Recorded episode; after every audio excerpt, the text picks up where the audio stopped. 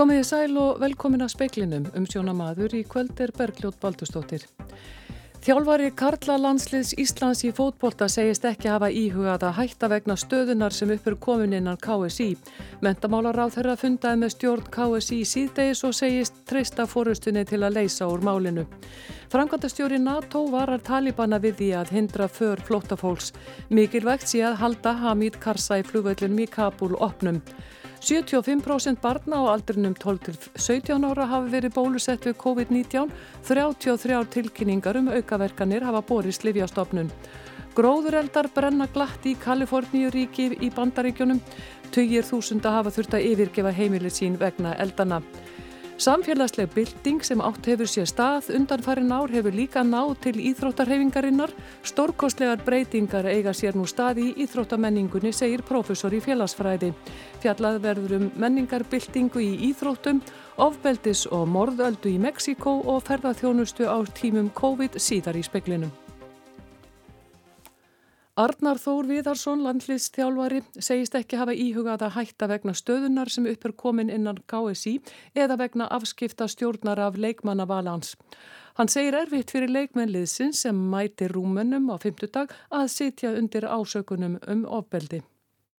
Þessi hópur að fólki hefur alltaf ekki gert neitt af sér og sé alveg ljóst að það er mjög erfitt fyrir leikmenn sem að eins og þú segir sjálfur liggja ósjákrafa undir grunum eitthvað sem þeir hafa ekki gert að það er mjög erfitt fyrir alla að finna réttu orði. Það er rosalega erfitt akkurat núna að segja eitthvað rétt. Það er einhvern veginn alltaf allt ránt. Arnar segist ekki af að íhugað að hætta þrátt fyrir að stjórn KSI hafi ákveðið að Kolbett Sigþórsson yrði ekki í hópnum eftir að ásaganir gegn honum komu fram í fjölmiðlum. Hann segir að staðan nú sé óvenjuleg en hann muni ekki samþykja að vinna við þessar aðstæður að þurfa samþykji frá stjórninni hverja hann velur í liðið. Liðið mæti rúmenum á 50. kvöld og Arnar segir ljóst að leikmenn sé ekki tilbúnir andlega í leikin vegna orra hríðar síðustu daga. Þeir þurfa ekki að vera 100% fókus á leikin 50 dagina mot rúmenu akkurat núna. Ef ég myndi byggja þá um að vera í fullum fókus núna þá væri ég mjög lélegur þjálfari og ekki góð persóna. Við verðum að fá að taka utanum þetta á réttum tíma, undir réttum fórsendum og fá að vinna okkar vinnu í frið. Segir Arnar Þór Viðarsson, Bjarni Pétur Jónsson tók saman. Mentamálar á þeirra fundaði með fráfarandi stjórn KSI í dag. Hún segist ánað með þær áallanir sem henni hafa verið kynntar. Hún treysti knatsbyrnu fórustunni til að leysa úr málunu en þykir ekki viðegandi að tjá sig um málefni einstakra starfsmána. Þau fóru yfir þannig með hvernig þau eru að setja á laginnar faghóp sem vinnur gegn kynbundnu ofbeldi og svona hvaða skrepu eru að, að taka þessa dagana og við fórum bara, þetta var mjög málefnarlegu fundur og mér fannst, mér finnst vera viljið til verka og mér fannst þetta koma bara mjög skýrt fram hvernig framöndan verður og hvernig e, það er verið að taka þessu málum. Treystir þú knastbyndu fórustunni til að leysa úr þessari stöðu? Já, ég treysti hérna KSI til þess að fara í þetta mál og mér fannst þau vera mjög svona afgerandi hvernig væri best á þessu haldið. Sagði Lilja Alfreðsdóttir, Alessander Kristjánsson talaði við hana. Jens Stoltenberg, framkvæmtastjóri Allandsafsbandalagsins, segir að þeir afganar sem ekki komast úr landi séu ekki glemdir. Hann varaði Talibana við því að hindra för flótafólks frá landinu. Hersveitir Allandsafsbandalagsins hafa yfirgefið Afganistan. Síðasta flugvel bandarækja hers flög frá Hamid Karzai flugvellinum í Kabul í nótt. Hefur tæplega 20 ára hersveitu því verið lokið. Baráþinu við herská öfli í Afganistan lauka þann máta að aftur ráða Talibana ríkjum í landinu rétt eins og fyrir innrásuna í oktober 2001. Stoltenberg segir að baróttan hafi þó ekki verið til einskís. Vera NATO í Afganistan hafi orðið til þess að hriðverkarsamtök gáttu ekki gert árásur á vestræn skotmörk frá Afganistan. Frankvæmtastjórun sæði það nöðsynlegt að alþjóðaflöðunum í Kabul erið haldið opnum, bæði til þess að koma hjálpargögnum til landsins og til að geta komið þeim sem þess óska frá landi. Hann sæðis geta fullfisa þá sem ekki komist frá landi að allansafsbandalæði hefði ekki glemt þeim. Angela Merkel, kanslari Þískalands, hefur einni sagt að flugullunin þurfi að vera opinn. Stoltenberg þakkaði Tyrkjum fyrir að hafa bóðist til að aðstóða Talibana við störfa á flugullunum. Hann sagði að NATO ætlaði að tryggja að Talibanar stæðu ekki í vegi fyrir för flótafólks frá landinu. Talibanar hafi þegar lofað því en verði ekki dæmtur af orðum heldur gjörðum. Allansáfsbandalagi þurfa að fara yfir ferlið í Afganistan og sjá hvað var gert vel og hvað hefði mátt betur fara á 20 ára veru herablan NATO í Afganistan. Andri Magnús Eisteinsson sæði frá. Píratar leggja áherslu á líðræði, nýja stjórnarskrá, róttakar breytingar í sjáurútöksmálum og vilja uppræta spillingu fyrir komandi kostningar. Flokkurinn kynnti í dag áherslur sínar fyrir kostningarnar undir slagorðinu líðræði, ekkert kæftæði. Björn Levi Gunnarsson er þingmaður Pírata. Um, eins og áðurlegt áherslu á, á nýja stjórnarskrá. Við erum að leggja til uh, róttakar breytingar í sjáurútvegi og svo er alltaf barátanum spillingu sem er, er okkur hugleikinn því að það er nóg að, að því að taka. Kostningastefna flokksins miðar að því að skapa á Íslandi sjálfbært velsældar samfélag sem kvílir á nýri stjórnarskrá, hagkerfi framtíðarinnar, sangjörnum leikreglum og virðingu við náttúru og fólk. Þessar áherslur okkar um nýtt efnagaskerfi eh, sem við tökum saman í velsaldra hagkerfunu svo kallaða eh, byggir á, á, á grunni OECD eh, rannsóknum þar um hvernig það er ekki bara hagvöxtur sem að skiptir máli um það að meta hversu vel okkur gengur sem samfélag heldur er það hversu góða heilsu við erum með hversu örugt húsnæði og, og góða mentun og, og svo leiðis sem að býr til umgjörðuna um það hvernig stjórnvöld eiga að sinna skildu sinni gagnvart landsmönnum. Sagði Björn Levi Gunnarsson, Bjarni Rúnarsson tók saman. Heilbreyðisráþara hefur felt úr gildi umdeilt skilirði um að sjúkráþjálfarar þurfa að hafa starfað í tvö ár eftir löggildingu til að ríki taki þátt í kostnaði sjúklings. Ákvæðið mætir mikilli andstöðum meðal sjúkráþjálfara, engum nýjútskrifaðra. Formaður félag sjúkráþjálfara sagði við talvi fréttastofi í síðustu viku að félagi þyrti að óbreyttu að leita til domstóla vegna ákvæðisins sem hún taldi til þess fallið að búa til tvöfalt heilbreyðiskerfi. 75% barna í aldursóknum 12-17 ára hafa þegið bólusetningu við COVID-19 segir yfirlæknir hjá landlæknisembættinu.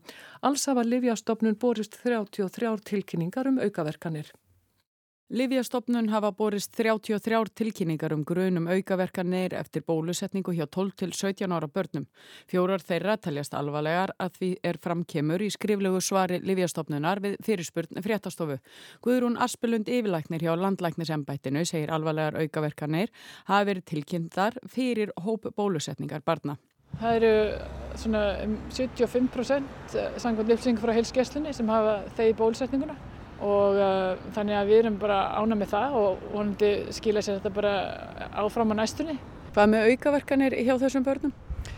Það hefur ekki verið komið upp alvarlega aukaverkanir, það hefði verið tilkynnt áður en þessar hóp, miklu hópbóðsettingar hófust um nokkur tilfelli af þessar svokallu hjartabólgum hjá ungu fólki eða svona úlingum en við hefum ekki haft spurnir af nefnum alvarlega aukaverkanum uh, núna síðan þetta byrjaði í starri hópunum segir Guðrún Aspelund, Hjördís Röð Sigur Jónsdóttir rætti við hana.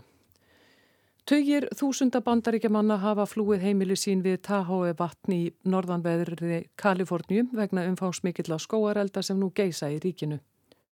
Gróðureldar hafa nú geisa á svæðinu í meira en halvan mánuð. Kaldóreldurinn hefur þegar skili eftir sig um 773 ferrkilometrar af sviðin í jörð. Á fjórða þúsund slökkvilismanna hafa barist við eldin undanförnum vikum. Ríma þurfti sjúkráðus vegna ástandsins og yfir 700 byggingar hafa orðið eldinum að bráð. 22.000 íbúum bæjarinn South Lake Tahoe á bakka Tahoe Vats hefur verið gert að yfirgefa heimili sín. Var það til þess að mikið umferðar ungþauti myndaðist í gær. Þá hefur verið tekin ákverðunum að loka öllu skólendi í þjóðgörðum Kaliforníu fyrir gestum næstu vikurnar.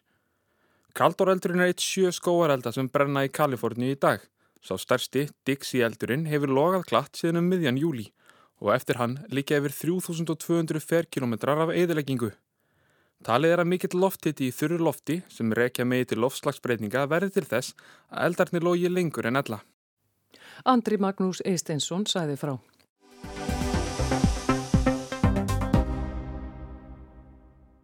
Stórkostlega breytingar eiga sér nú staði í íþróttamenningunni, sérstaklega hér á landi, segir Viðar Haldórsson, profesor í félagsfræði.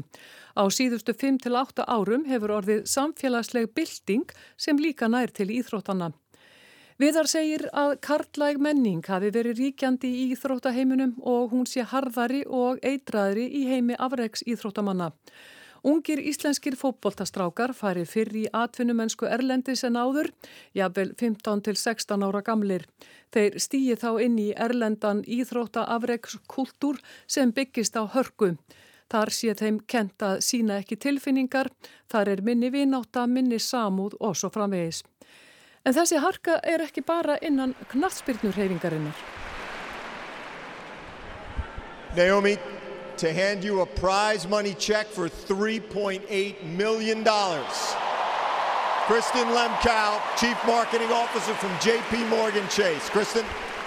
Þarna voru við komin inn á verðlauna afhendingu á opna bandaríska mestramótinu í tennis árið 2018 þegar Naomi Osaka, tennistjarnar, vann mótið.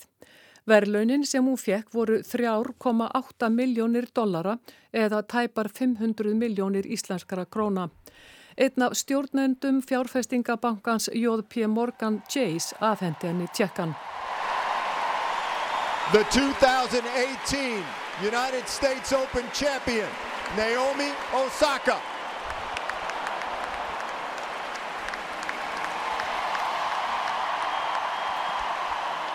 Tennistjarnan Osaka vakti gífurlega aðtikli í sumar þegar hún dróð sig út úr opna franska meistaramótinu í tennis. Hún hafði átt við kvíða og þunglinda að stríða og treysti sér ekki til að taka þátt í bladamannafundum sem tengjast mótunu. Hún sagði við það tilefni að hún vildi forðast neikvæða umræðu sem þeim fylgir og að láta leikmenn svara spurningum eftir ósigra jafnkildi því að sparka í likjandi mann. Hún er ekki svo eina sem hefur dreyið sig út úr keppni vegna álags því bandaríska fimmleikakonan Simon Biles dróð sig út úr liðakeppni í fjölþraut kvenna á olimpíuleikonum í júli vegna andlegs álags. Bæði Osaka og Biles vöktu gífurlega aðtikli fyrir þetta. En frá sjónarhorni þeirra sem ekki eru innvíðir í þessa menningu lítur þetta út eins og það sé mikilvægara að tala við fjölmila heldur en að taka þátt í sjálfu mótinu. Viðar segir að allur íþrótta yðnaðurinn sé byggður á mikill í markasetningu. Allir þessi yðnaður, þessi íþrótta yðnaður, þetta er rosalega markasetning sem byggir á að, að selja íþróttina í sjómastöðvar, selja hann í fjölmil og allt það og það byggir á því að búa til stjörnur. Það þarf að búa til stjörnur því stjörnurnar selja og stjörnurnar þurfa þá að, og það er partur af þeirra vinnu að koma fram í fjölmilum og selja íþróttinu og segja og tala um hana og tala um hvernig gekk og tala um vendingar vegna þess að það er það sem áhördu vilja sjá og það er selur. Þannig að þetta er parturinn úr stóra samingi.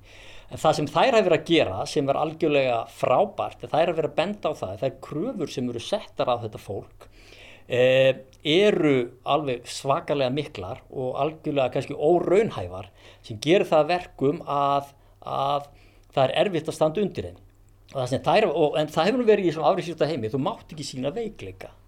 Þú mátt ekki sína veikleika vegna þess að þá gefur eitthvað svona færi á þér og það hefur verið svona tabu í, í afriðsýrtum að sína veikleika. En það sem þær er að gera þær er að opna sig á þetta meðan allir aðri byrja þetta inni sem er algjörlega frábært fyrir íþróttirnar og fyrir krakkana Afreiks íþróttafólk er fyrirmyndir og það ofbeldi sem hefur verið að koma fram í dagsljósið undanfærið í tengslum við fótboltarhefinguna er mikið áfall fyrir unga krakka sem hafa litið upp til þessara fótboltamanna. Viðar segir að Simon Biles og Naomi Osaka séu líka fyrirmyndir. Það ertu komið frábærar fyrirmyndir sem sína öllum krökkum það að það er í lægi að finna fyrir sko vanlíðan, það er í lægi að vera stressaður, það er í lægi að finna kvíða, það er ekkert að því, þú, þú veist, þú þarf ekki að vera fullkominn til að ná árum íþróttum, meiri sé að besta íþróttafólki heimi hefur tilfinningar og finnur fyrir kvíða og vanlíðan. Og það er ótrúlega gott fyrir góð skilaboð að fyrir all fyrir okkur öll sem erum bara breysk og, og upplifum alls konar tilfinningar að meiri sé að stæðstu stjórnur í heimi finna þetta líka Margir myndu halda því fram að það væri ekki merkjum veikleika heldur heilbreyða skinnsemi að vilja ekki tala við fjölmiðla. Dæmi eru um rithöfunda og aðra listamenn sem tala ekki við fjölmiðla og hafa ekki verið gaggrindir neitt sérstaklega fyrir það. Það að tala við fjölmiðla er hins vegar hluti af samningi íþróttafólks sem fær ekki bara borgað fyrir íþróttina sjálfa heldur líka fyrir að taka þátt í fjölmiðla um fjöllun. Og þessna var ósaka meinað að keppa vegna þess að hún tó, vildi ekki taka átt í vitulum vegna þess að þá var hún að ekki uppfylla skildur sína gagvan þessu mótshöldurum. Telur þú að bæði þessi umræða sem er núna í gangi og, og fór af stað uh, og þetta að þessar tvær stúlkur komið fram og sögðu við treystum okkur ekki til stalfi fjölmjöla að þetta sé vísbendingum einhverja breytingar séu eiga sér stað í íþróttakúltúrnum mm. uh, og þá er ég meina bæði hér á landi og erlendis. Mm. Ég held að það séu stórkostlega breytingar að eiga sér stað í íþróttakúltúrnum. Uh, sérstaklega hér á landi. Ég meina við erum svona mjög opinn þjóð og það er mikil svona hvernreitt uh, þetta bara á Íslandi og við erum lítið samfélag sem gefur okkur tækifæri til að stíga skrefin kannski fyrir enn sumir aðrir. Sko. Þannig ég held að séu stórkostlega breytingar að gerast hérna á Íslandi núna, eru í gangi og munu halda áfram að gerast sem eru öllum til góða og gerir, gerir menninguna heilbreyðar og betri. Ég hef engar, eh, engin evi mér um það. Erlendis gangi þessar breytingar hægar yfir. Þar eru starri samfélög, ólíkir menningar heimar, meiri peningar, starra batteri og meira undir. Viðar segir að samfélagsmiðlarnir hafi mikil áhrif og uppsík komið ný kynnslóð sem er fætt eftir 1995. Hún sé opnari með að tjá tilfinningar sínar og ekki eins fordómafull og fyrri kynnslóðir. Gífurlegar samfélagsbreytingar eigi sér nú stað, ekki bara í íþrótum, heldur á öllum sviðum samfélagsins.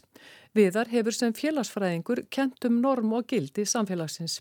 Ég segi það að síðustu tíu ás, 5, 6, 7, 8 ár eru bara bylting, samfélagsleg bylting sem við höfum ekki séð í langan, langan tíma hvernig ímest norm og gildi samfélagsins eru að breytast og, og, og rosalega og umhverfast kannski og við erum að sjálega gríðarlega samfélagslega breytingur. Þetta er ekki bara við Íþróttunum, þetta er bara við í, í, í lífinu, um, um, tölum um bara kynferði, uh, klæðaburð, hvað má og hvað má ekki, nafnagift og svo framvegs og framvegs. Það eru gríðarlega samfélagslega breytingar í gangi akkurat núna og þetta endur speglast í Íþróttunum eins og annar stað. Og þetta var Viðar Halldórsson. Stjórnvöldi í Mexiko hafa höfðað mál á hendur nokkrum bandarískum bissuframleðendum fyrir domstóli í bandaríkjunum. Þau saka framleðendurnar um að auðvelda sölu á vopnum til eiturlifi að gengja í Mexiko. Rillileg ofbeldis og morðalda hefur gengið yfir landið undanfarin 15 ár. Minst 21 let lífið í hörðum og blóðugum átökum lágraglu og glæpagengis í og við bæin Via Union í norðanverðu Mexiko um helgina. Ekki við tekist að bera kennsla á næri 39.000 lík fórnalampa stríðs meksikóskra stjórnvalda gegn eitulífagengjum. Líkhús í Meksikó hafa ekki undan og eru mörg líkana sett í ómertar grafir. Á lögardag fjallu tíu glæpamenn og fjóri lögurglumenn í hörðum ríflega klukkustundar löngum skotbardaga. Næri 300.000 hafa fallið í átökum stjórnvalda við eiturlifja gengi síðustu 14 ár. Um 73.000 til viðbótar er saknað. Vissulög í Mexiko eru stíf með að við það sem gengur og gerist handan landamærarna í bandaríkjónum. Það tekur tíma og kostar fyrirhöfn fyrir almennan borgara að egnast skotvopni í landinu í það minnsta með lögumætum hætti. Það er aðeins einn staður þar sem hægt er að kaupa bissu í Mexiko. Sú verslun er í útjæðri Mexiko borgar. Hún er inni á herstöð og þar gæta vopnaðir hermenn öryggis. Bakgrunnur fólks er vandlega kannaður aður en það fær að kaupa vopn. Borgarar með að kaupa eina 38 kalibera skambissu til að verja sig og sína, eitthvað sem að maður myndi sennilega huglega sjálfur í Mexiko. Þeir sem að ætla að kaupa rifla verðað sína fram á að þeir séu í veiði eða skotafingafélagi. Eiturlefja og glæpagengi útvíða sér vopnið öðrum hætti. Á bílinu 70-90% þeirra vopna sem lögreglakir upptæki Mexiko hafa verið keift með lögmætum hætti í bandaríkjunum og smiklaði við landamærin samkvæmt New York Times. Í bandaríkjunum eru 67.000 bissusalar með leifi. Í umfjöllun Los Angeles Times segir að á hverjum degi séu að jafnaði selt 38 skotvopni í verslun þessari. En að á hverjum degi sé talið að 580 bissum sé smiklað frá bandaríkjónum til Mexiko. Stjórnveldi í Mexiko segja að ofbeldið í landinu hafi aukist eftir að sala á halvsjálfvirkum hriðskotabissum var leiði í bandaríkjónum. Það var á sama tíma og eitulifja gengi í Mexiko urðu sífelt um svöfameri.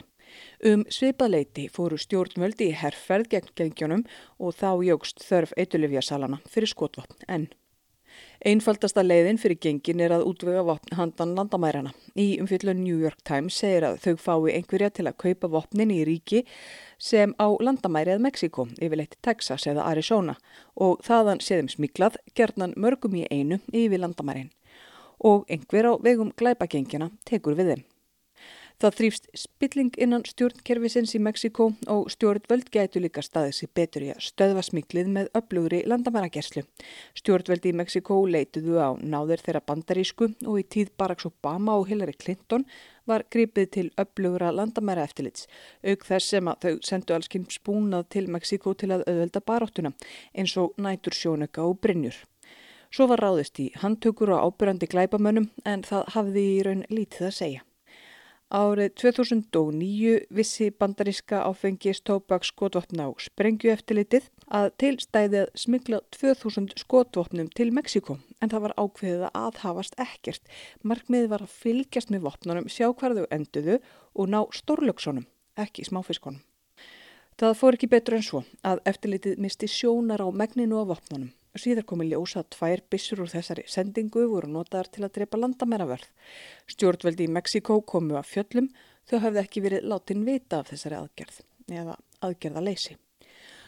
Fjórum árum síðar var fjöldamorðið skjelvilega framið í bandaríska barnaskólanum Sandi Húk. Tvítugur maður skauð til bana 20 börn og 6 fullorna í skólanum og hafði þá þegar myrt móður sína. Þegar laurugla kom á staðin fyrir fór fjöldamorðingin sér í skólanum. Fjölskyldur nýju fórnarlampa höfðuðu mál, meðal annars gegn vopnaframleðandunum Remington á þeim forsendum að fyrirtækið markaðsetti vopn með ólögumætum hætti, bindu markaðsetningunni meðal annars að fólki sem gæti tekið upp á svona óhæfuverkum. Fólk bjóst ekki beint við að þessi raukmyndu duga og málið hefur þvælst í bandarísku réttarkerfi í mörg ár en hæstirittur Connecticut hefur samþygt að taka það fyrir. Nú er möguleiki á að hægt sé að láta bissuframleðendur takað einhverju leiti ábyrð á gjörðum misindismanna. Það heyrir til tíðinda. Hvað kemur þetta eitulífja gengjum og morðöldu í Mexiko við? Jú, þarna handan landamærarna hefur verið fylst með gangi sandi húkmálaferðlana vegna markaðsetningarakana. Hér komum við að rannsóknarblæðakonunni Míroslöfu Brits. Hún var ráðinn af dögum í landamæraríkinu Chihuahua. Hún var skotin áttaskotum þar sem hún kerði eitt barna sinna í skólan. Vopnið sem var nota til að vega hana var sérútgáfa af 38 kalibera koltskambissu. Í aðra hliðina hafði verið grafin andlitsmynd af Emiliano Zapata, mexikoskri byltingarhetju. Í hina hliðbissunar setning sem gerðnan er eignuð honum. Það er betra að deyja standandi í lappinnar en að lifa á njánum og þar sem búið var að grafa þetta í bissuna telja stjórnvöld að vera markaðsetningu sem beintir að eitulvja gengjum í landinu. Það er alveg hægt að skilja rökin en þetta hljóma nú samt aðeins of þund fyrir domstóla. Önnur rauk meksikóskra stjórnvalda er að vopnaframleðendur gæti ekki að því hverjum þeir selja vörur sínar eins og þeir ættu að gera. Framleðendur selji í raun hvaða smásala sem að hefur leifi nema það logi eldrauð blikkandi viðvörunaljós sem bendi til þess að smásalinn sé í samkrulli með smiklurum. Þessi og fleiri rauk ætla stjórnvöld í Mexiko að nota gegn bandariskum vopnaframleðendum í veikri von um að það geti orði til þess að stemma stegu við ofbeldisöldunni í landinu. Það sem aðverð þessu ári hafa 16.000 manns verið myrtir í Mexiko, 67 dag, þrýr á klukkustund. Ragnhildur Torlasíus sæði frá.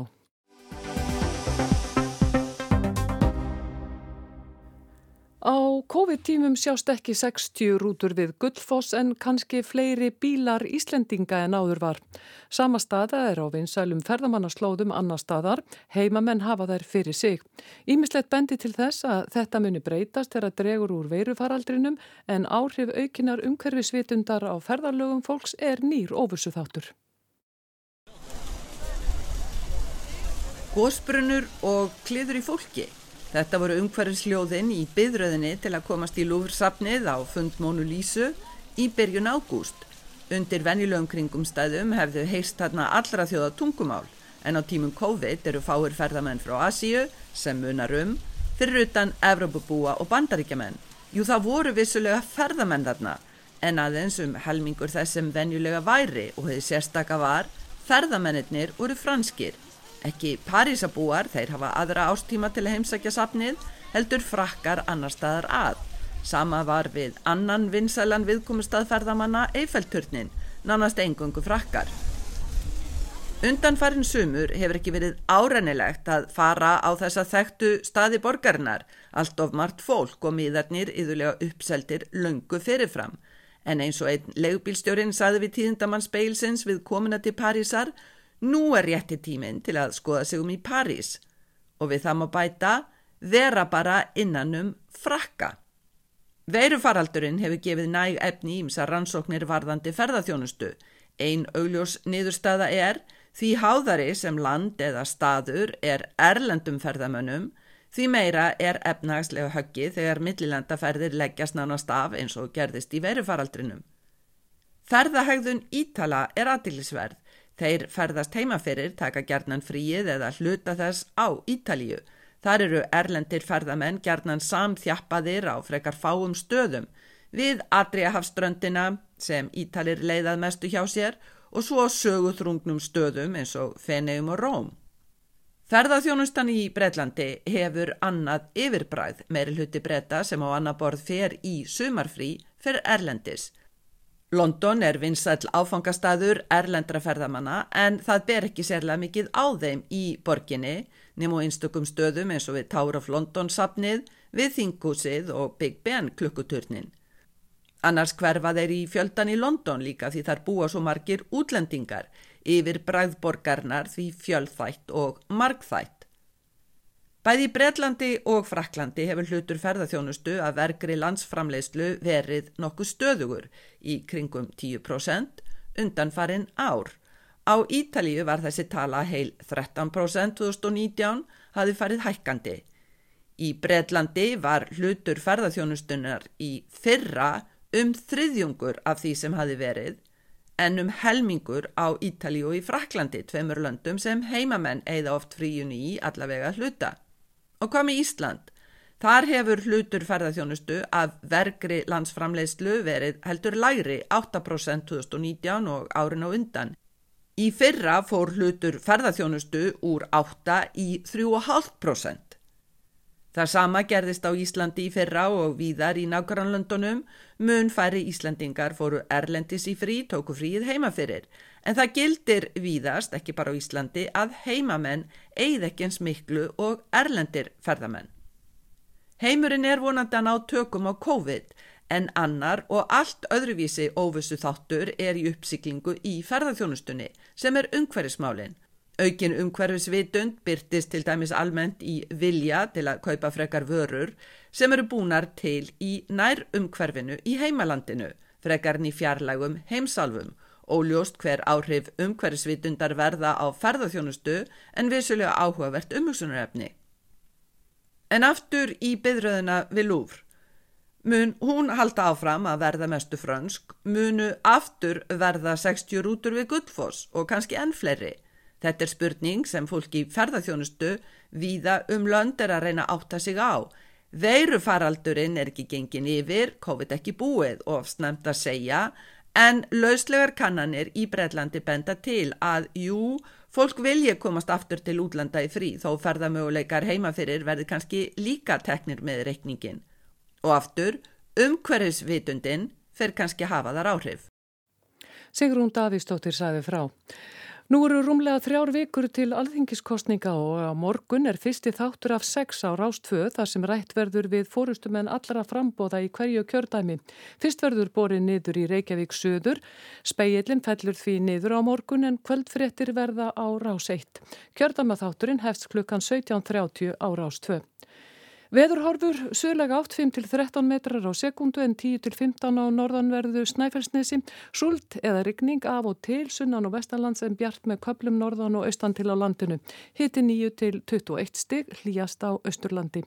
Fleiri er ekki speklinum í kvöld, tæknimaður í útsendingu var Jón Þór Helgason, verðið sæl.